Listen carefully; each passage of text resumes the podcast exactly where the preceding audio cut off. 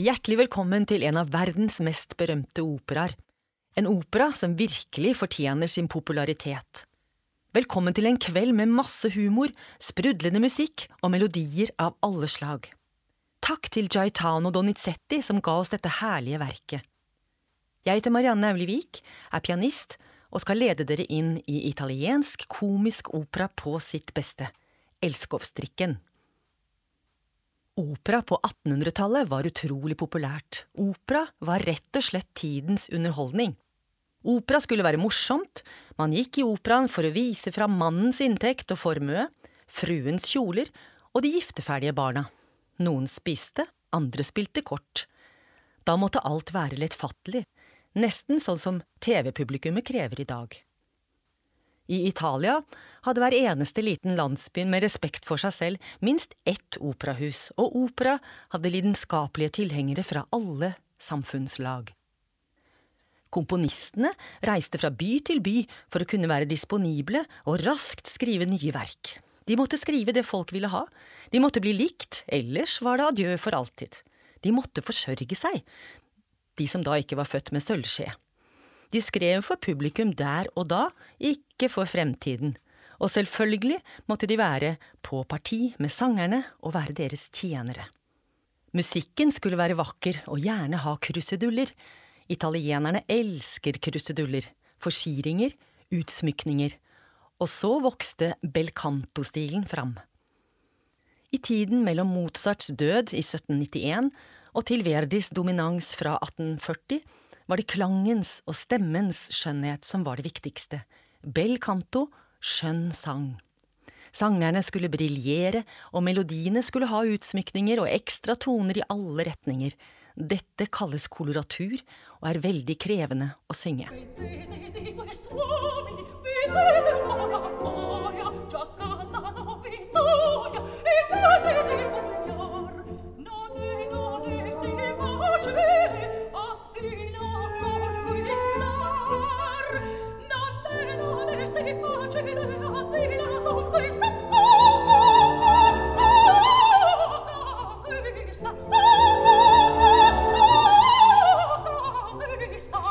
Stemmene måtte være smidige og ha stort register, de skulle gnistre som et fyrverkeri, alle ville høre stjernene synge koloratur. Tenorene var de mest populære, sammen med sopranene. Tenorenes omfang vokste og nådde nye høyder. Sangerne tjente meget godt, komponistene bare en brøkdel. I denne perioden var det tre komponister som konkurrerte om plass og oppmerksomhet. Alle tre fikk en brå slutt. Rossini fikk sammenbrudd, han var utmattet da han var 36 år. Bellini døde da han var 36 år. Donizetti ble gal og døde da han var 50. I Bergamo hadde man, som forventet, flere teatre, og man var opptatt av opera. Overraskende mange tenorer var fra Bergamo, og de som bodde der, kunne følge med på berømmelsen og respekten som sangerne fikk. I denne lille gaten, Borgo Canale i Bergamo, ble Gaetano Donizetti født av svært fattige foreldre. Jeg ble født i en kjeller under jorda, der ikke så mye som et lysglimt trengte gjennom. Som en ugle fløy jeg derifra, aldri ble jeg oppmuntret av min stakkars far, som tvert imot alltid sa, det er umulig at du kommer til å komponere, du kommer deg aldri til Napoli eller Wien. Gutten søkte tilflukt i kirken Sankta Maria Maggiore og begynte i koret. Til alt hell var Simon Maier kapellmester der.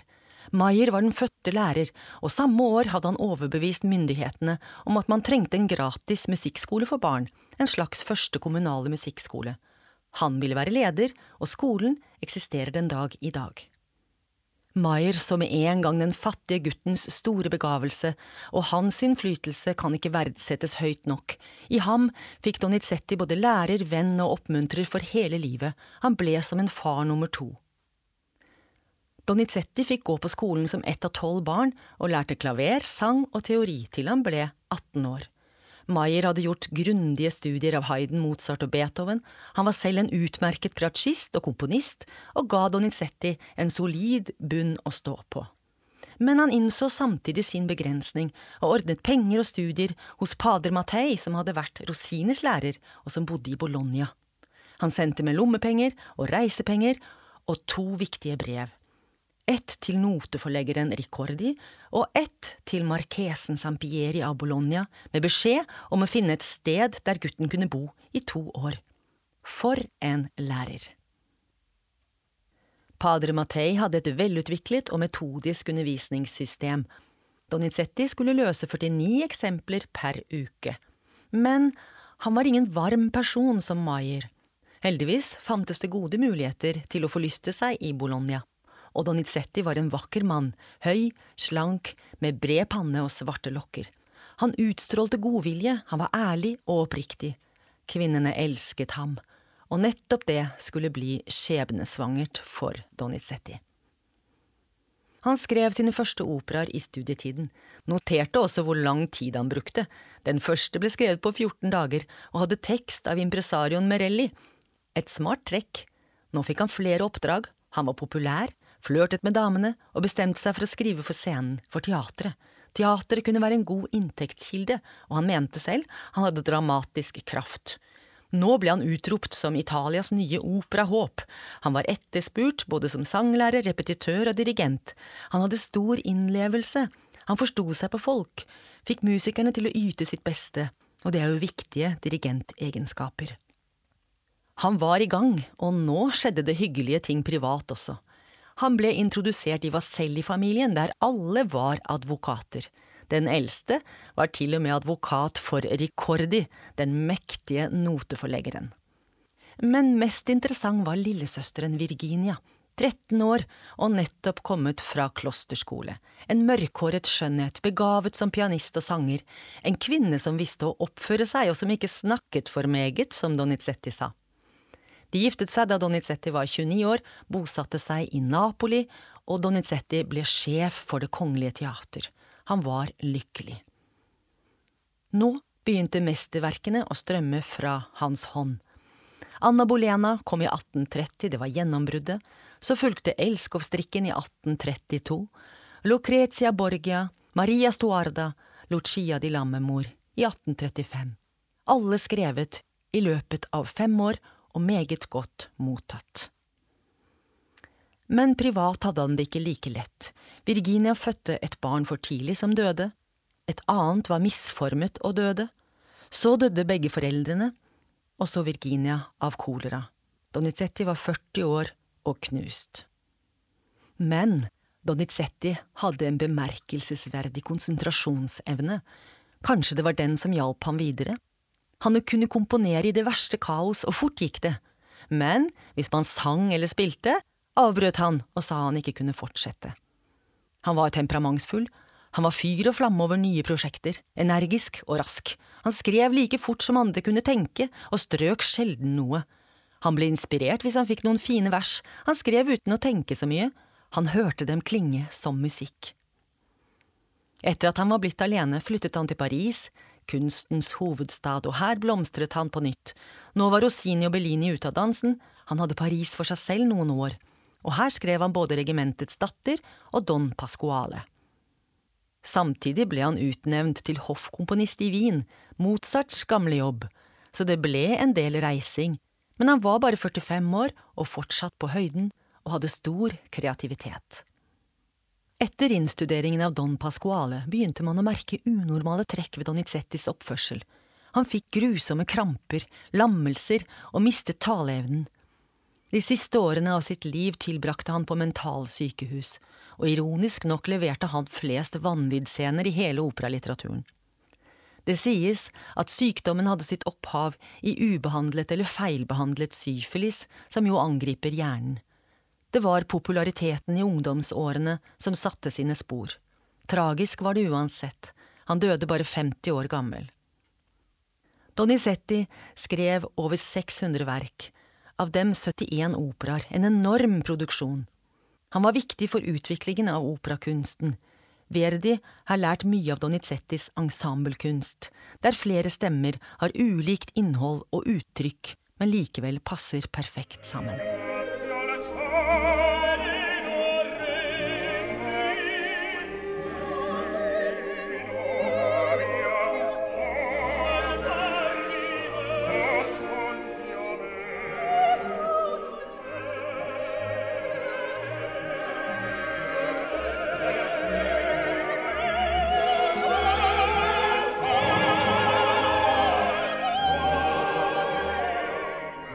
Den elskovsdrikken dere skal få se i kveld, ble skapt for Northern Ireland Opera i 2013, og det er Oliver Mears som har regien. Adina er en velutdannet og velstående kvinne. Vakker er hun også. Hun er selvstendig og gjør som hun vil. Hun underviser på et britisk college på 1970-tallet. En av elevene hennes, Nemorino, er dødelig forelsket i henne. Han har ikke særlig stort håp om at kjærligheten skal gjengjeldes. Adina er en kokett og omskiftelig dame. Det er umulig at noen så vakker og flink som Adina kan komme til å forelske seg i en idiot som jeg, synger Nemorino. Adina ler høyt og leser historien om hvordan Tristan vant Isolde ved en magisk elskovsdrikk som altså gjorde ham uimotståelig. Alle lytter fascinert. Trommevirvler annonserer sersjant Belcore og hans bataljong. de skal verve soldater. Han har blomster med til Adina og kaster ikke bort tiden, men frir like godt med en gang. Nemorino fortæres av sjalusi og skulle ønske han hadde samme mot som sersjanten. Adina ber om betenkningstid, mens Belcore mener hun aldri vil finne maken til han. Gianetta, en av jentene i klassen, tviler sterkt på at Adina vil være så lett beseiret.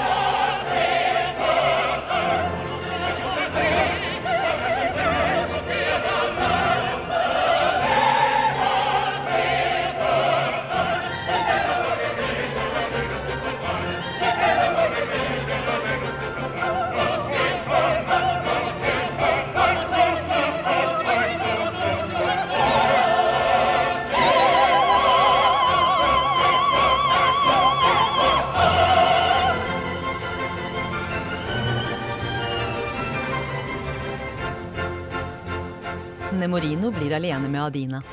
Han vil fortelle hvor desperat han elsker henne. Adina mener det er forgjeves, siden hun er som vestenvinden.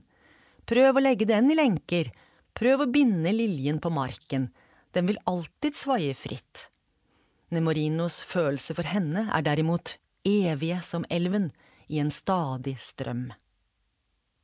Trompetsignaler varsler høytstående folk, doktor Dulcamara, som i virkeligheten er en kvakksalver.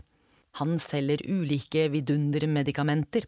Han tilbyr hjelp for alt fra rynker til tannpine, kolera, podagra og prostata. Hør på hans plaprende og selgende rap med lystig orkester.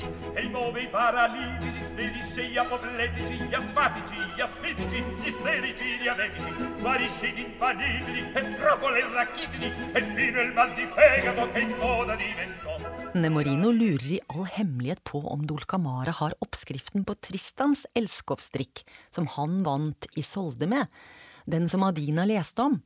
Jo da, sier Dulcamara, det har han, men den virker først etter 24 timer, og da har Dulcamara forlatt stedet. Dulcamara selger drikken til Nemorino, og aldri har han sett noen så tåpelig og rar som Nemorino. Men hør hvor lykkelig Nemorino takker, og Dulcamara plaprer i bakgrunnen. Obrigado, obrigado, son felice, son contento, elisire di tal bontà, benedetto chi ti fa. Obrigado, obrigado,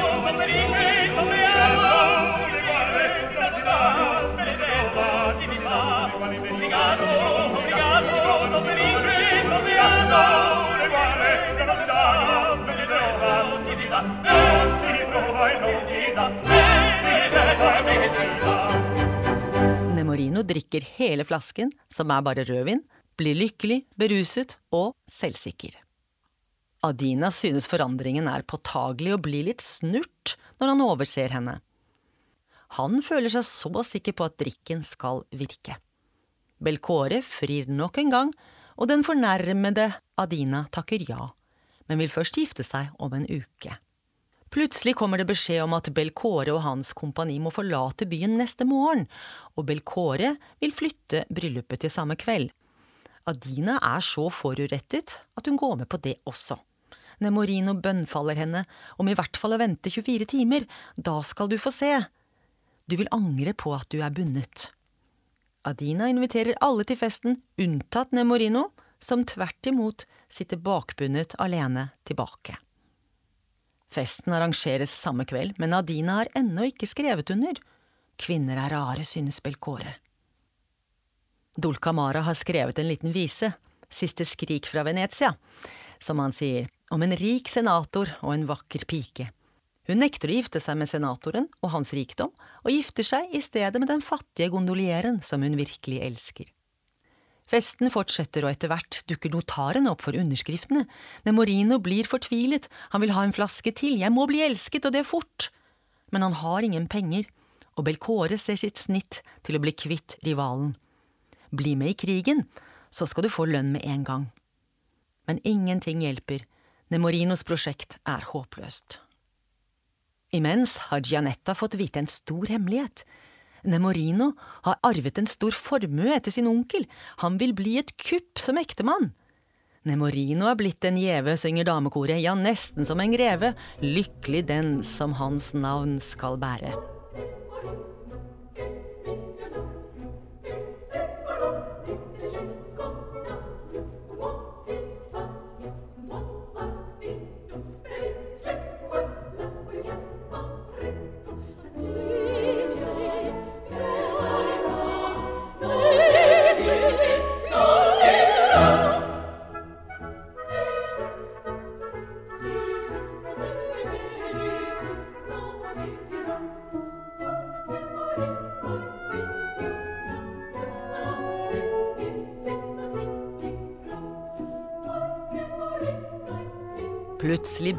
Nemorino populær hos jentene.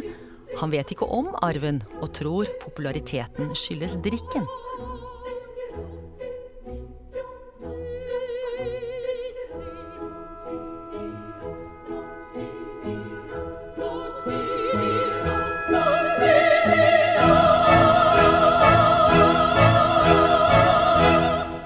Nå blir det endelig fart på Adina. Adina har en fortrolig samtale med Dol Kamara, som forklarer at Nemorino har kjøpt en elskovsdrikk og latt seg verve som soldat. Adina får dårlig samvittighet, og jeg som hånet hans smerte, er det virkelig slik at alle kvinner nå elsker Nemorino? Dol Kamara mener hun trenger en tryllesaft selv, slik at alle mannfolk kan bli interessert i henne. Men Adina mener han tar helt feil. Vi kvinner har andre middel. Jeg trenger ingen mirakelkur. Vi kan degge, kjele og stryke. Vi har stjålne blikk og et vakkert ansikt. Nemorino ser at hun er sjalu, og synger den mest berømte arien fra Elskovsstrikken, Ona fortiva lagrima. Han har sett at hun fikk tårer i øynene, i hvert fall én tåre. Da han flørtet med de andre, det må jo bety at hun elsker ham, synger Nemorino.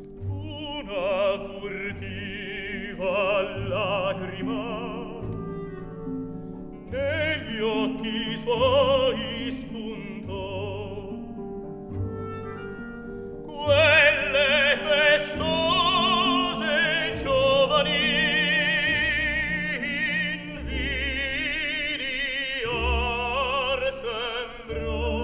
Nå kjøper hun like godt Nemorino fri fra soldatkontrakten, ber om tilgivelse for alle hånlige ord og innrømmer at hun elsker ham. Ja, kjære publikum, nå kan dere glede dere til en kveld med Donizettis briljante musikk. Han visste godt hvor vakker menneskestemmen var, og han visste godt hva folk ville se og høre. Han hadde en egen evne til å skrive friske og folkelige melodier som liksom smyger seg inn i øret. Han var en godhjertet og vennlig mann som ønsket at folk rundt ham skulle bli fornøyde. Han hadde hjertet på rett sted. Kanskje det er derfor at hans musikk er så levende og ekte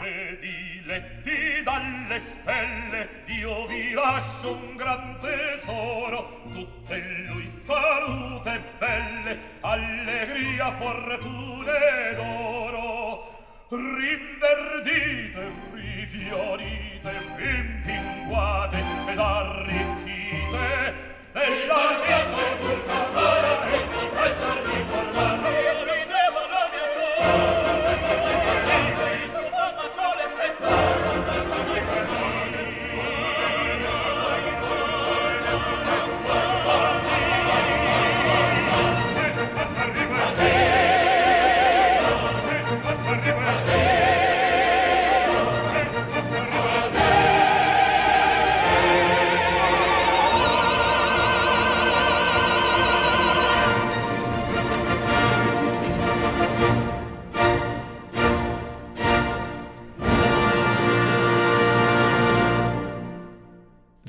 Vite mer om hva som skjer i operaen? Meld deg på vårt nyhetsbrev operaen.no nyhetsbrev.